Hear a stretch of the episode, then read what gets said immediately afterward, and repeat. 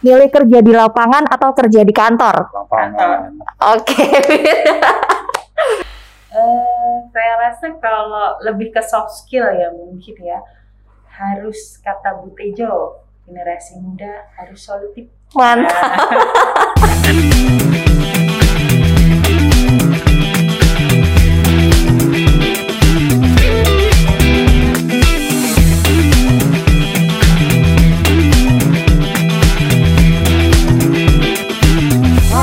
selamat datang di BBWSBS Podcast. Halo semua, welcome to BBWSBS Podcast. Nah, di tahun 2021 ini Balai Besar Wilayah Sungai Bengawan Solo punya podcast. Nah, kali ini Taksita nggak sendiri, tapi bareng sama pegawai teladan BBWS Bengawan Solo di tahun 2020. Yeay, selamat datang Mbak Winda dan juga Mas Hanif. Selamat Iya, datang Terima kasih Mbak Sita.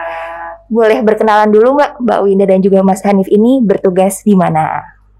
Eh, perkenalkan, saya Winda. Eh, saya bertugas di bidang KPI BBS Bengawan Solo. saya Hanif Triawan Kusuma kami saat ini ditugaskan di eh, bidang KPI sebagai PLT Sukor program Oke, nah gimana nih Mbak kabarnya? Ini kan tahun 2021 masih pandemi. Eh, gimana sih Mbak pandemi ini membawa makna hidup untuk Mbak Winda selama ini? eh pandemi ini lebih banyak mengajarkan kita untuk bersyukur ya karena setiap hari yang kita lewati selama pandemi ini kan lebih banyak tantangan, lebih banyak kesulitan. Jadi kalau kita bisa melewati satu hari saja itu sudah rasanya penuh berkat, bersyukurlah. Bener ya. Nah kalau Mas Hanif Mas selama pandemi pelajaran berharga apa yang sampai hari ini dirasakan? Eh, tentunya sama sih eh, syukur juga karena memang di saat seperti ini kita harus benar-benar lebih care ke terutama untuk keluarga rekan kerja dan eh, mungkin untuk semua keluarga besar Bengawan Solo ya jadi bagaimana kita dituntut untuk tetap eh, berprestasi tetap bekerja dengan kondisi seperti ini Oke. Nah, sebelum kita ngobrol tentang serunya jadi ASN di BBWS Bengawan Solo, kita mulai podcast hari ini dengan games ya, Mbak.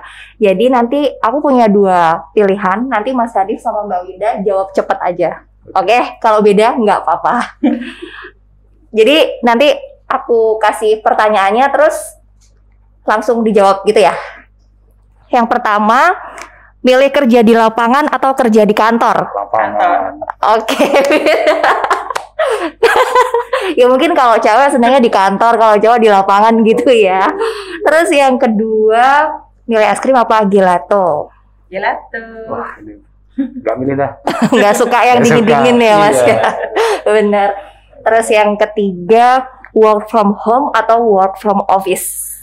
Work from office. Iya sih sama sih Iya sama, bener.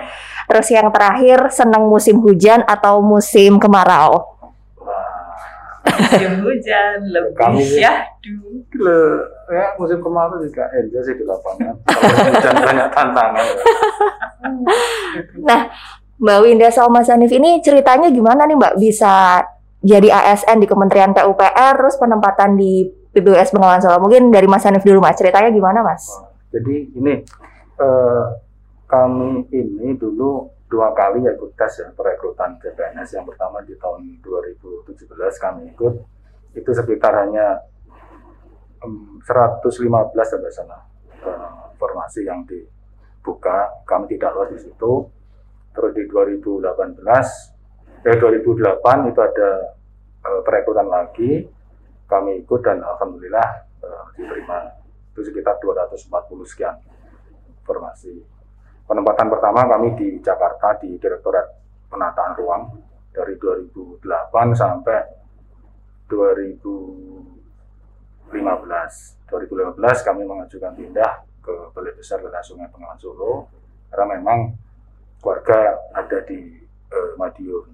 Itu sih sebenarnya Mbak Mbak ceritanya. Oke, nah kalau Mbak Winda Mbak? Kalau saya ya waktu itu memang baru lulus kuliah. Kebetulan ada temen yang menyarankan coba deh daftar magang di PU. Nah, waktu itu saya nyoba daftar pengen magang dulu.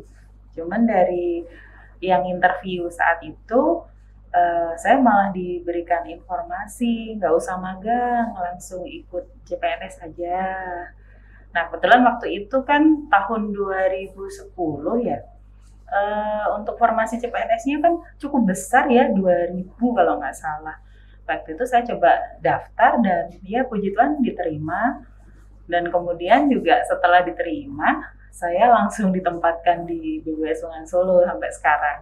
Yes, dua-duanya udah lama, berarti dua-duanya udah punya pengalaman yang banyak gitu ya. Nah, kalau dari perjalanan kan hampir 10 tahun, nah itu ada nggak sih, Mas, pekerjaan yang paling nggak terlupakan selama ini tuh di proyek mana sih, Mas? Bisa diceritain nggak? Ya, jadi pernah gini Bu, kami di 2017 itu mengawal pekerjaan DI Kedung Bubus. Jadi DI itu uh, terakhir direhab itu tahun 2013 atau 14 itu terakhir direhab uh, hampir dua tahun atau tiga tahun itu air nggak bisa ngalir. Ya setelah kami rehab di tahun 2017 dan 2018 alhamdulillah air bisa ngalir dan uh, antusias masyarakat dan petani itu sangat besar di sana. Kami sangat diterima di sana diberi apa istilahnya. Kalau orang orang apa istilahnya kampung itu kan dia kalau punya pisang dibawain pisang. Dekat gitu ya sama masyarakat iya, ya mas ya. Itu banyak sih pengalaman kami di PAT seperti itu juga. Jadi sebelum sebelum kegiatan pengeboran ya pasti ada syukuran dulu, tasaburan dulu, selamatan lah. Jadi eh, warga sekitar itu gotong royong. Ada yang bawa apa panggang ayam, terus ada yang bawa nasi tumpeng macam-macam itu. Jadi itulah eh, istilahnya kami benar-benar diterima di situ jadi semangat lah untuk untuk segera menyelesaikan pekerjaan di kemarin. Mantap. Nah, Mbak Winda, kalau selama kerja di BBWS Bengawan Solo ini, Mbak, pelajaran apa nih, Mbak, yang paling berharga, terus kayak jadi menemukan diri sendiri gitu? Pelajaran apa, Mbak? Hmm, kalau selama bekerja di BBWS Bengawan Solo, yang pertama uh, jadi lebih tahu sebenarnya apa sih itu ASN ya mungkin kalau di luar sana banyak mindset yang negatif terkait ASN, PNS yang ya tidak terlalu baik untuk mereka. Cuma setelah bekerja di sini, terutama di Kementerian PU ya, kita rasakan kalau di Kementerian PU eh, kita harus benar-benar bekerja keras. Jadi bukan eh, ASN yang di mindset masyarakat, tetapi benar-benar kita harus bisa maju, bekerja keras, terus bisa bekerja dalam tim. Nah, itu memang uh, saya dapatkan setelah saya bekerja di BBS Solo. Jadi kayak banyak banget ilmu baru ya Mbak yang diterapkan ke sehari-hari juga ya Mbak? Iya, terutama terkait manajemen waktu ya. Uh, terlebih di sini saya juga sudah berkeluarga, punya anak, jadi harus uh, bisa lebih bagaimana manage waktu antara pekerjaan dan keluarga supaya itu bisa balance. Nah, ini seandainya nih Mbak di kita kan uh, ada akun YouTube Mbak. Seandainya penonton YouTube ini adalah generasi muda. Nah, kira-kira skill apa nih yang harus dimiliki generasi muda masa kini kalau seandainya pengen menjadi ASN di Kementerian PUPR seperti Mbak Winda dan juga Mas Hanif gitu. Mungkin Mbak Winda dulu terus nanti baru Mas Hanif. Uh, saya rasa kalau lebih ke soft skill ya mungkin ya harus kata Butejo generasi muda harus solutif. Mantap. Jadi lebih bisa memecahkan masalah dan terus juga harus bisa bekerja dalam teamwork karena kalau selama kita bekerja di sini nggak bisa kita kerja sendiri harus kita kerja dengan uh, tim kita. Oke, nah kalau Mas Hanif Mas kan dari pertama kali Mas Hanif jadi ASN terus sampai sekarang itu kan pasti perjalanan perkembangan zaman ini kan berubah terus ya Mas. Skill apa nih Mas yang harus dimiliki anak muda masa kini yang pengen jadi ASN gitu nanti seperti Mas Hanif gitu? Uh, untuk skill ya teman-teman saya kira sih apalagi di era sekarang ya uh, itu saya lihat sih banyak yang menguasai uh, terkait program-program. Tapi yang terutama sih uh, ketika kita sudah jadi ASN kita harus satu yang bisa sosialisasi sosialisasi kepada masyarakat stakeholder yang terkait.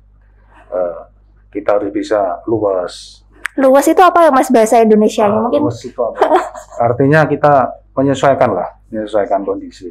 Jadi kita nggak bisa saklek ya, karena eh, lingkup kerja, apalagi di, di, di, di kita ya, kita kan lintas lintas provinsi ya, lintas budaya ya, ada yang Mataraman, ada yang pesisir. Jadi kita harus bisa eh, menempatkan diri kita ketika kita nanti di katakan wilayah Mataraman, Madiun sekitar kita harus seperti apa. Nanti kalau di wilayah pesisir, Tuban, Gresik itu seperti apa. Karena memang karakternya beda-beda. Di situ eh, ketika dunia kerja memang itu kita harus harus bisa apa istilahnya ya, bisa bisa segera menguasai. gitu. iya berarti harus luas. Luas tadi artinya fleksibel mungkin ya bahasa Iya, Indonesianya. Nah, tadi kan Mas Hanif menyampaikan kalau kita itu harus luas terhadap masyarakat. Nah, pembangunan infrastruktur ini kan pastinya untuk masyarakat kan Mas. Nah, pesan apa nih Mas yang akan Mas Hanif sampaikan kepada masyarakat apabila eh, ada infrastruktur baru? Apa sih yang harus dilakukan oleh masyarakat gitu?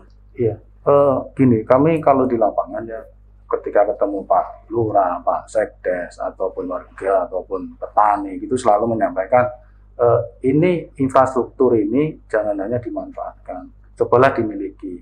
Artinya apa? Kita harus bisa memelihara. Dulu waktu kami di eh, 2000 apa ya awal-awal CPNS itu kan ada masa orientasi ya. Ada dari mentor kami itu yang menyampaikan bahwasanya infrastruktur irigasi ini anggaplah seperti istri gitu. Seperti istri. Artinya kita rawat, kita openi. Jangan hanya diambil aja gitu. Artinya keberlanjutan ini tetap terjaga. Itu yang kelihatannya eh, ke sekarang-sekarang ini masyarakat care-nya itu kurang ke, ke infrastruktur yang kita bangun. Gitu. Benar. Heeh. Tapi karena apa meskipun masyarakat kurang sekarang ini tuh kita poin plusnya adalah kita ditemenin sama kemajuan dunia digital ya Mbak ya. Nah, eh, kalau menurut Mbak Winda sih eh, dengan bantuan dunia digital itu membantu nggak sih Mbak untuk memperkenalkan infrastruktur kepada masyarakat? Eh, kalau menurut saya sangat membantu ya, apalagi sekarang ada sosial media yang eh, begitu cepat bisa diakses oleh masyarakat ya. Kalau dulu kita tahunya infrastruktur terbatas kan karena hanya eh, bisa lihat dari koran dan dari televisi yang mungkin aksesnya juga masih terbatas. Cuman kalau sekarang kan eh, ada sosial media yang setiap ada infrastruktur baru ataupun eh, berita terkait mau dibangun saja itu sudah bisa tersampaikan kepada masyarakat. Jadi eh, masyarakat dari generasi yang muda sampai yang tua bisa tahu gitu loh terkait dengan eh, infrastruktur-infrastruktur yang dibangun pemerintah dan juga yang akan dibangun. Oke. Nah, da- apa tadi ngomongin tentang masyarakat dari generasi muda sampai generasi tua sekarang tuh tahu infrastruktur pasti keluarga Mas dan juga Mbak tahu juga ya Mas infrastruktur apa yang lagi dibangun juga pada ngerti ya. Tahu. Tahu ya.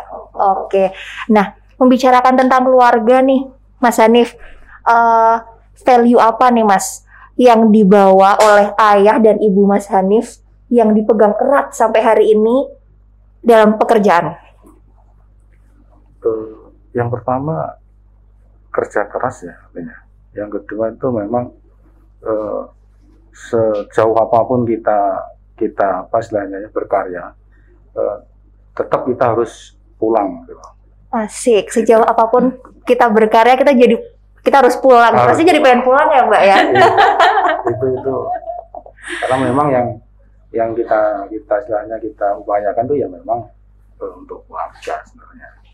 Nah, Oke. Nah, kalau Mbak Winda, Mbak, Mbak kan perempuan, seorang istri dan juga seorang ibu. Nah, gimana cara Mbak Winda membagi waktu nih, Mbak, antara karir dan juga keluarga? Hmm, membagi waktu, aduh.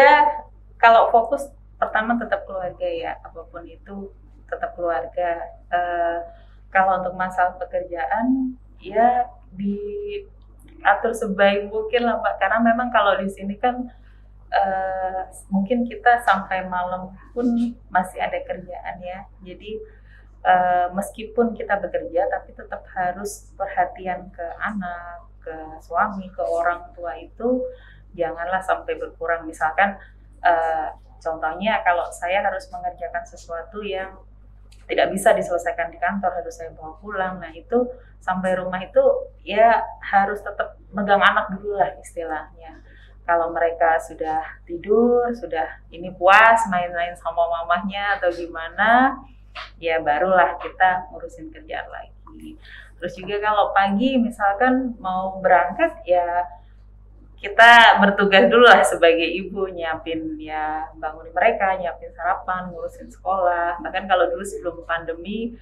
uh, harus antar anak sekolah itu ya jujur sih cukup menyenangkan. Asik, pasti saya yakin sekali pasti keluarga Mbak Winda dan juga Mas Hanif yang ada di rumah saat ini pasti bangga sekali dengan Mbak Winda dan juga Mas Hanif.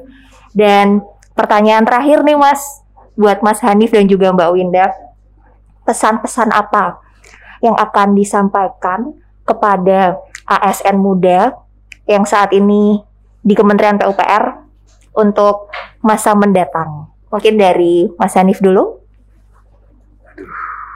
Uh, tiga kata aja Mas. Mbak Winda juga tiga kata. Yang pertama kita harus tetap bersyukur ya, bersyukur dengan kondisi apa pun. Uh, kita sudah diberi uh, anugerah kesempatan untuk bekerja sebagai ASN. Ya, itu. Yang kedua, ya kita harus berkomitmen menyelesaikan pekerjaan. Dan yang ketiga adalah pasrah. Itulah mungkin itu ya. Oke. Kalau Mbak Winda, Mbak, tiga kata. yang pertama melayani. Kita ASN, kita itu pelayan masyarakat apa yang kita kerjakan harus kita kerjakan dengan ikhlas karena itu wujud kita melayani. Nah, kalau yang kedua bersyukur. bersyukur dengan kondisi apa pun kita harus tetap bersyukur. Lalu yang ketiga jangan lupa bekerja keras dan berdoa. Yes, mantap dua-duanya. Kita boleh tutup podcast hari ini dengan tepuk tangan bersama Mas dan juga Mbak Mas Hanif dan juga Mbak Winda terima kasih banyak sudah meluangkan waktunya. Saya senang sekali bisa ngobrol. Jadi dapat ilmu juga. Semoga saya bisa suatu hari nanti bisa kayak Mbak Winda dan juga Mas Hanif. Dan terima kasih teman-teman semua yang sudah nonton. Sampai ketemu di podcast selanjutnya. Dadah.